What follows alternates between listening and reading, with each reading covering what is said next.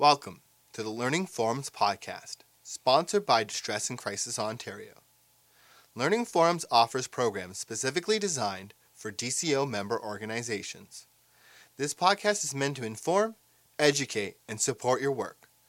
Enjoy the program, and we welcome your comments and feedback at learningforums.ca slash contact with the subject podcast.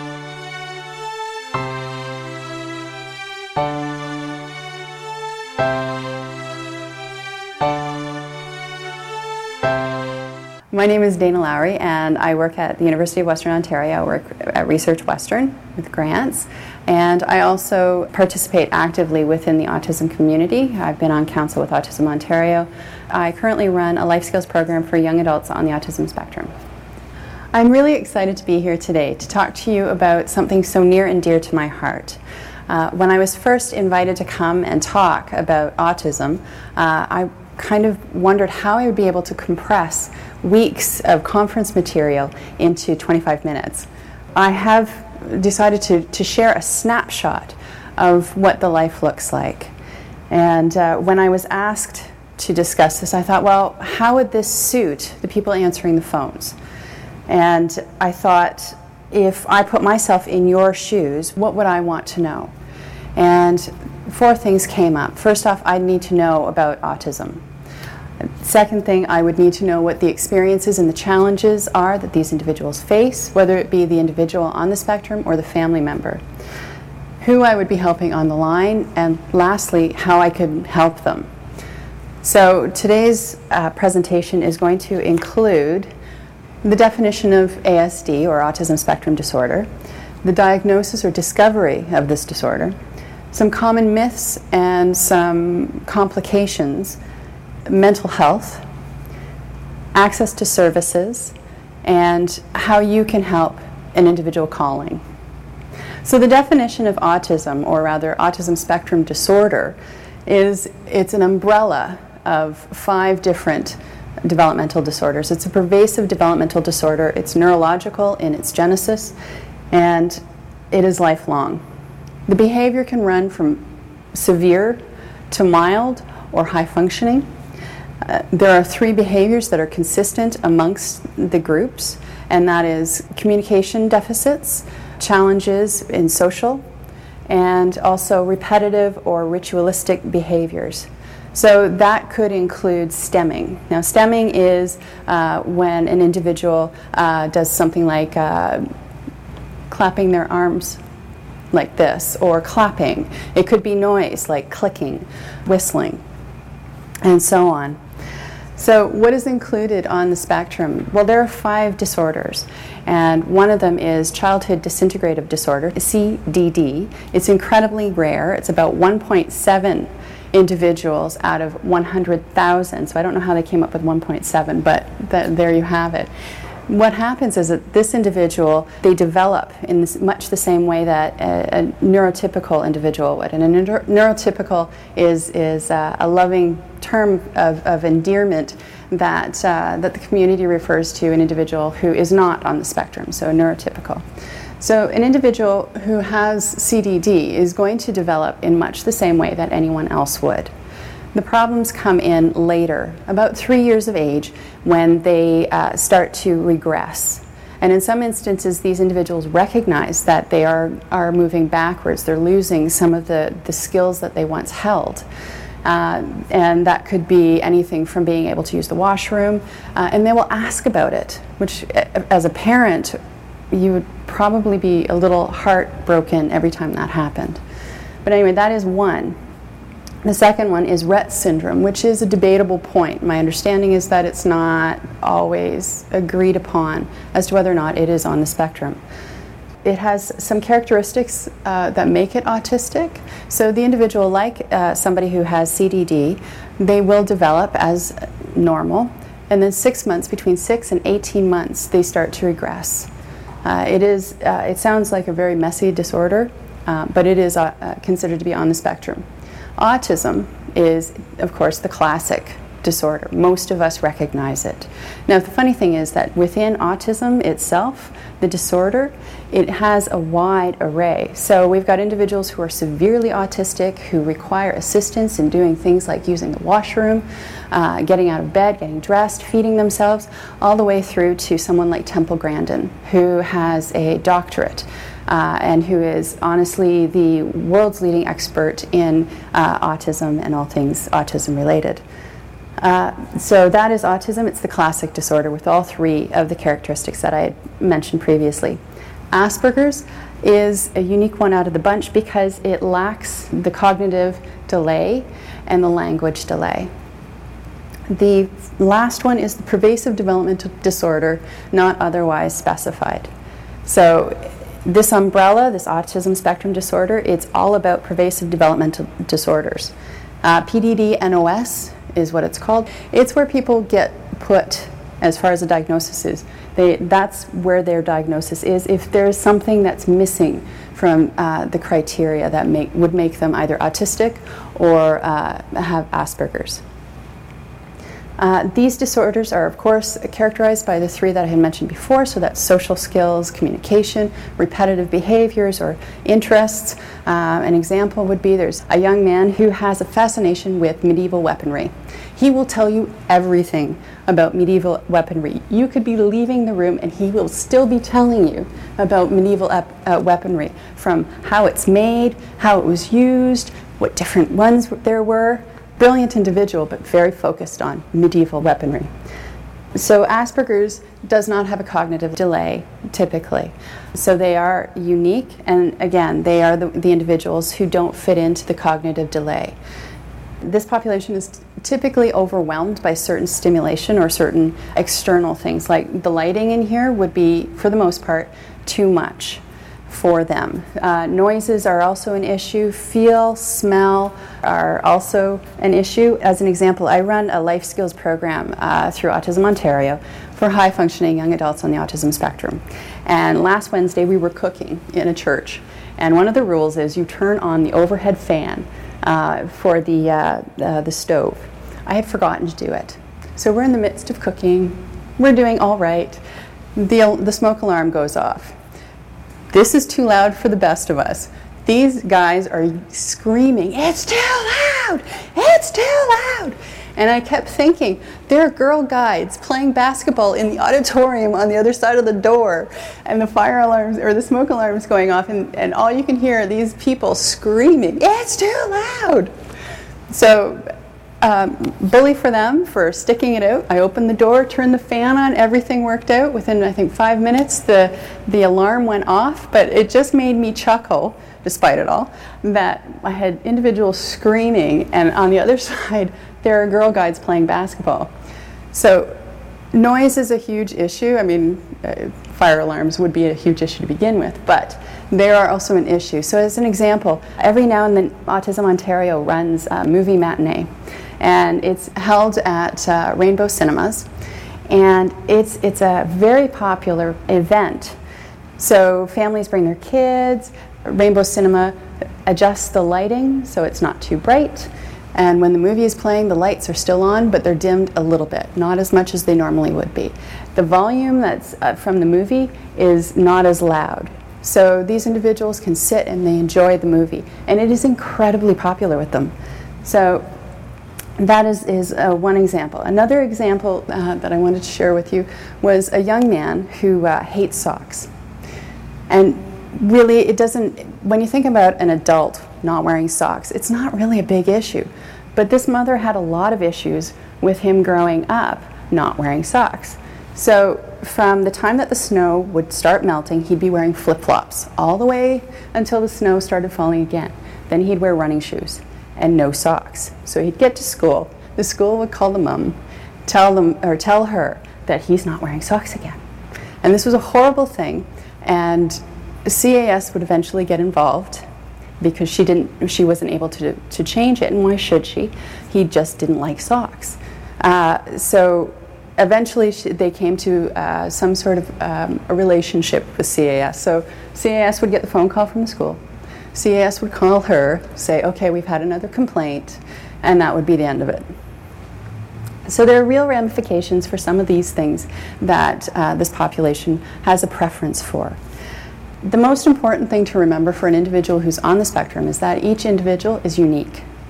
So the individual who didn't want to wear socks uh, wears flip flops, and the flip flops have thongs, or they're, they're thongs, so they have the piece between the toe. Not everybody can wear that. Um, it's a huge issue for some people. Now, I want to share with you some of the individuals that I have had the, distinct privilege to meet.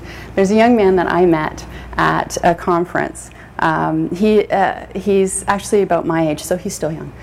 He had finished high school, which is actually a big feat for this population, not because they, they lack the, the intellect to complete high school or school, uh, it's the fact that they require supports. Uh, and that's an entirely different subject that would, would take another uh, session. Uh, so he finished high school. Uh, he had also gotten his degree in engineering at Western and then received his diploma in something similar at Fanshawe.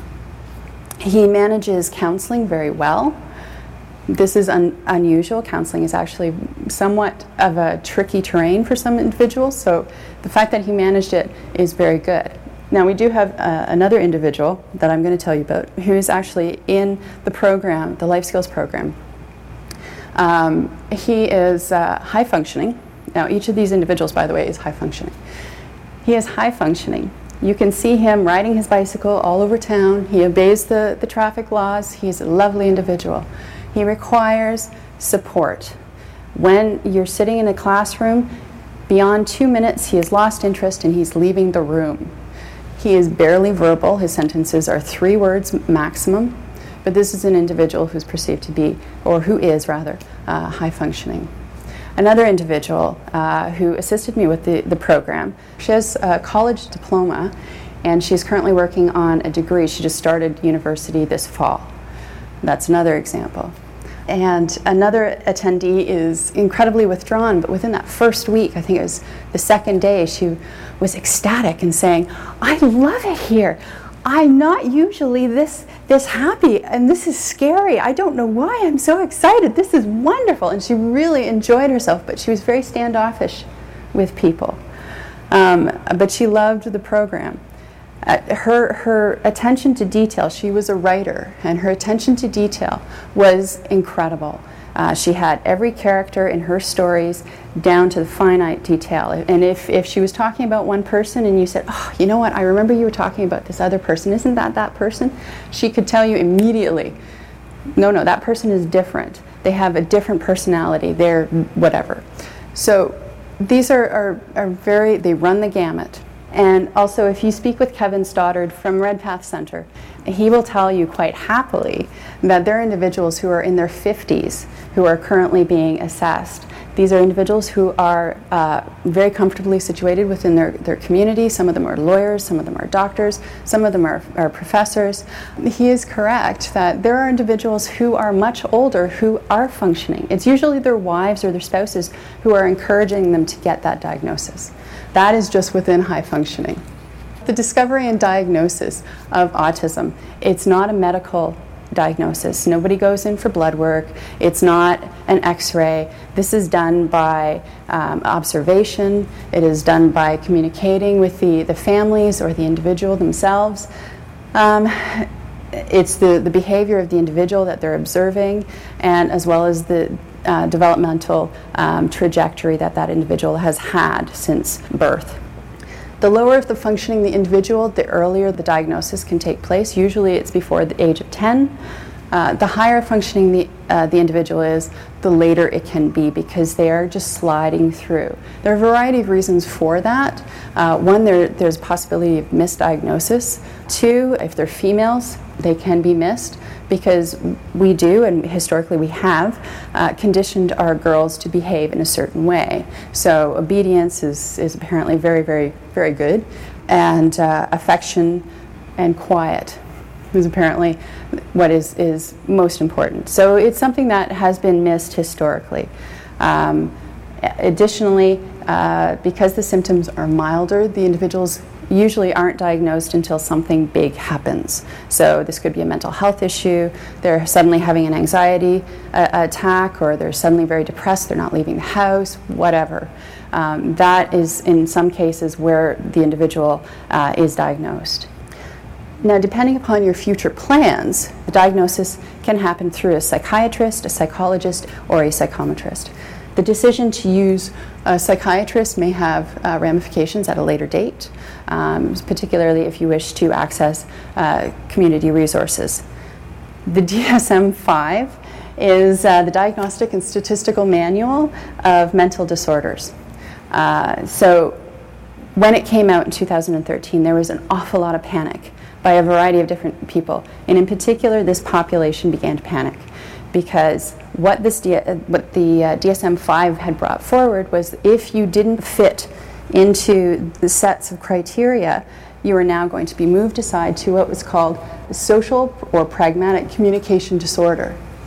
It is a brand new diagnosis there are no supports in place. So individuals who are higher functioning, so uh, individuals like um, we call, they're called Aspies, individuals Asperger's disorder, uh, or high functioning individuals within the autism disorder, or individuals who are P, uh, covered under PDD NOS. Suddenly, you're hearing families really frightened because they're going to lose their diagnosis.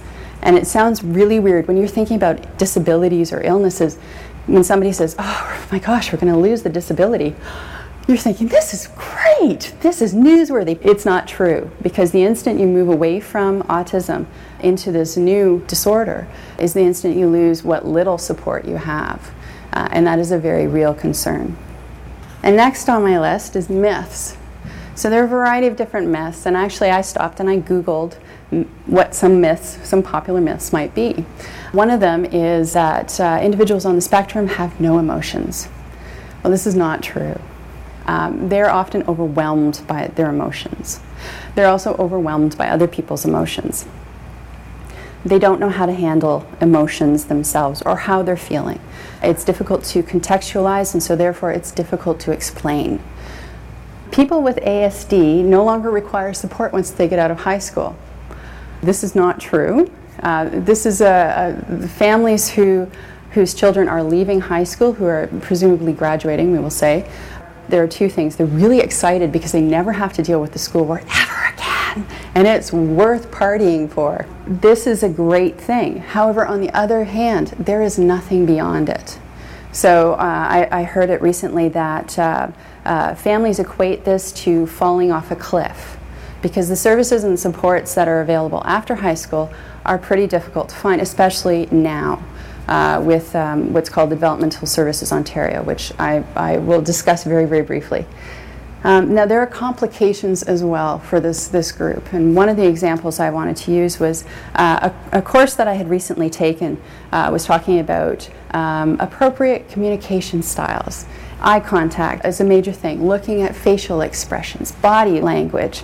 Well, an individual who's on the autism spectrum is, not, is going to miss social cues, is not necessarily going to have the appropriate facial expression. A deadpan expression is not, is not really an indication of disinterest in the conversation. Eye contact may not happen. In fact, it's like, unlikely it will, or at least consistent eye contact. It, it, they might be looking over there when you're talking to them. They're still listening to you, or well, maybe they're still listening to you, and they're looking off into the distance somewhere else. So some of these routinely suggested communication styles leave out a population that is already having difficulties. So perpetuating that is, is a, a real problem. Now, I had a conversation not so long ago with a friend of mine who said she really hates it when people say that individuals on the spectrum don't lie. They do lie, they will lie, but they are honest. They're honest. They look at things very differently. So they will tell you something that might, if somebody else said it, would be insulting. It's not so much. As an example, I had overindulged. It might have been Christmas or Thanksgiving or something. I overindulged and I said, Oh, I feel so bloated and fat. And so my son, who is a high functioning young adult in the autism spectrum, he stopped, he looked at me, paused, and really he was considering this for a moment, which the length of time he had to do that was kind of a problem. But anyway, and, and he said, then he said, um, No, mom, you're not fat, you're cylindrical. Really? Okay. Okay. Another one is uh, they see things very differently. And a friend of mine was, was talking about how her son was wearing socks and she noticed oh, his toes sticking out. And she said, Oh, go change. That, that sock has a hole in it. And his response was, oh, Don't be such a prude, it's just a toe. Would never have thought about that. It, it would never have crossed my mind that, you know, the toe is, oh, it's a horrible thing, let's not see that. But he did. It's awesome. Now, mental health actually is an issue for this group. Um, in fact, when it comes to certain mental health issues, they are higher than individuals who are not on the spectrum. So it is particularly challenging to, to diagnose an individual with uh, mental health issues uh, for a variety of reasons, one of, of, which is, of course, communication. Communication is very difficult for these individuals, especially when it comes down to, well, how are you feeling?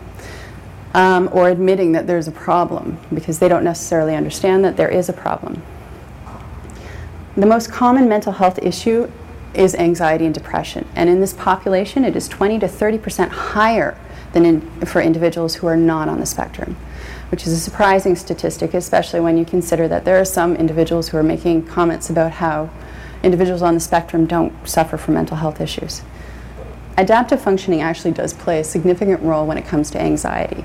For each of us, as we were growing up, we accepted new responsibilities, and the responsibilities grew as we did. Things changed, environments changed, uh, we learned more about uh, more, more structured social uh, expectations. We learned about uncertainties, and we coped. We adapted. These individuals who are on the autism spectrum are unable to, or at least those who are experiencing anxiety are unable to adapt to that. So that the adapting to those those uh, different scenarios, those those require support from from other individuals. When it comes to depression, I understand that depression is actually brought about because an individual has a perception of how they are, not based upon how you see them, but rather how they see themselves. So, and they see themselves as being less than. And while it's not a mental health issue, it certainly has implications when it comes down to mental health issues. The vast majority of the individuals on the spectrum after high school uh, become very isolated. They don't leave the house, uh, in fact, studies have shown that individuals after high school um, rarely leave the house. They become more like hermits. Um, interestingly enough, though, if they have pets, that the pets actually um, encourage them to leave the house. I'm not really sure how that works. If they have a cat, how that gets them to leave the house, but it works. In a recent study, it was shown that just under 40% of the, the sample population that was used for that study, 40% left the house once or less per month. So just something to grab you. Um, isolation exacerbates uh, mental health if you're not leaving the house, if you're not talking to other people. Any issues or concerns that you might have festers, and this is what happens. Now, access to services is a huge issue. So, once somebody hits 18, in order to access, say, um, Community Living London, uh, you need to go through the DSO to determine eligibility. Now, there are three criteria to, in determining eligibility. One is uh, cognitive ability, which is where individuals who are on the autism spectrum fall off. They don't get any support unless they've been grandfathered in. So, it's 70% or lower are deemed eligible. The second is adaptive functioning, which doesn't seem to play a big role. And the third one is physical ability which for an individual on the spectrum isn't as big of an issue. There are individuals, by the way, who have physical needs, so wheelchairs, bedridden, that kind of thing. They do fall on the spectrum. Now, some stats. As of 2008, there was an estimated 70,000 individuals on the spectrum in Ontario. Of the 70,000, 50,000 of them were adults. Now, between 2009 and 2012, it was 1 in 150 worldwide. Today, it's 1 in 68. And out of that 1 in 68 is 1 in 45 that are boys. The cost on average per family to look after an individual on the spectrum is about $60,000 a year. Now, how to help? For both an individual and a family member, Uh, this is actually coming directly from Dale Monroe. He is a social worker here in town. He works at Redpath, brilliant individual. His suggestion is, and I'm going to read directly from this, this paper.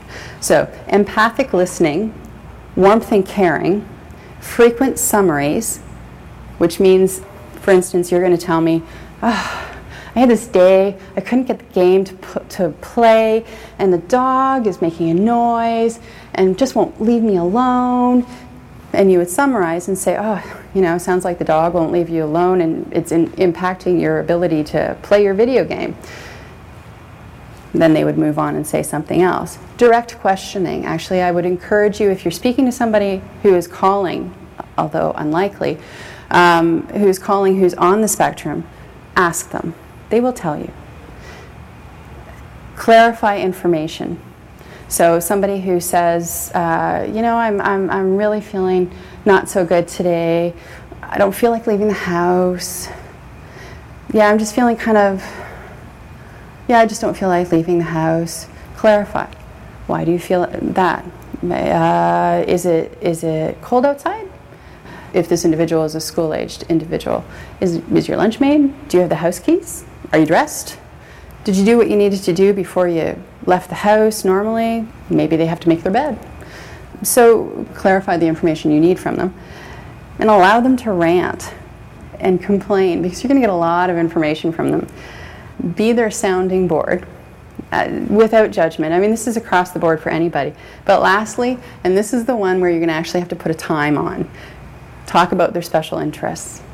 You'll be on the phone for at least 15 minutes because they will talk about their interests. And for the gentleman who loves medieval weaponry, he will be on the phone with you for at least 15 minutes.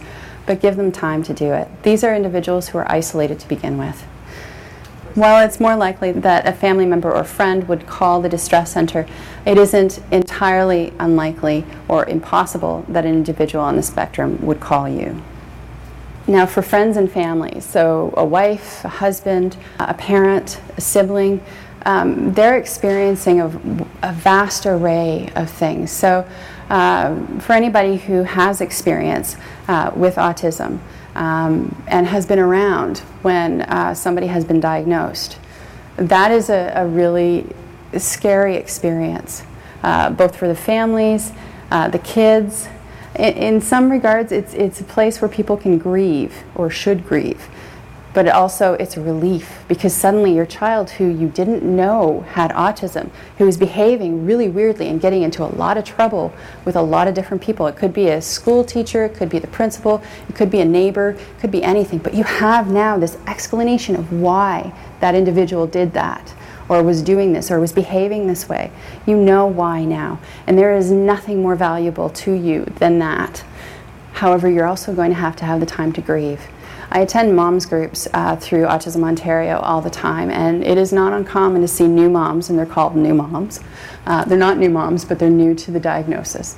And the experience is the same. They've just received it. It could be the day of, it could be a month later. It takes a really long time to get through it. Uh, for me, it took me about six months. Now, what didn't help was the fact that every time we went to an appointment, there was always something else. It was never just, uh, well, your child has autism. It was, well, your child has autism and is unlikely to ever blah. So there was always something. So you may be uh, somebody that they call just, just because they need somebody to talk to. Um, the other uh, instance is the first mental health episode. There are some stories that I have heard that are terrifying. Um, a young man, uh, 17 years old, very large young man, tall and stocky, had a mental health breakdown, and it, the genesis of that was the school. Um, he just couldn't take it anymore. He couldn't manage the expectations of the school. He couldn't do, there were a vast array of things that he just couldn't do. And he couldn't take it anymore. So he had a meltdown. The police were called. He was restrained, physically restrained. The family, the parents were standing there watching as this was happening. And the police kept saying over and over, What drugs is he on? And they kept saying, he's not on any drugs. He has autism. He's not on any drugs. He has autism. And to, to enjoy the rest of the experience, they went off to the hospital. And the mom is, is quick to tell you the doctors were a nightmare. They were horrible. They blamed the parents. They didn't understand what was going on. She said, but it was the nurses. It was the nurses that made them feel better. So this experience is traumatic to begin with. But then to have this go on and on and on, and then go try to go through the treatment process. If the uh, individual on the spectrum isn't willing or doesn't seem to understand that there is a problem, uh, counseling or therapy is, is not going to work. And so that family is going to have to sit and cope with whatever is coming. In summary, this population is comprised with complex and diverse needs and strengths. And I, I actually didn't touch upon the fact that, that there are strengths with this group. This population has many challenges. They also have considerable strengths. For instance, um, they are highly sought after in certain industries for their ability to focus. As an example, uh, there is a company in, uh, I think it's San Francisco, who does the pixelations for a variety of television shows and movies. And it is this population they want to get into the, the room because these are the people who don't mind sitting looking for hours at codes for something that might be off. So there's another company that was created by a father uh, for gaming uh, and his son uh, is, is one of the individuals he had created this opportunity for. So, this attention to detail is, is actually something that is one of their strengths. The other strength, of course, is their sense of humor. Another strength is uh, the fact that they look at things very differently. This population is tied together by the communication uh, disorders and the social challenges, as well as repetitive or ritualistic behaviors. And finally, there are too few supports in place for this population. If they call you, this is fabulous. And I do hope that this presentation has provided you with more information. Well, thank you very much for allowing me to come and speak to you about this subject that is so dear to me. Uh, I do hope that this helps you. Uh, if people, somebody does call either from the spectrum or the family or friends, that you have a better understanding of how you might be able to support them. Uh, thank you very much.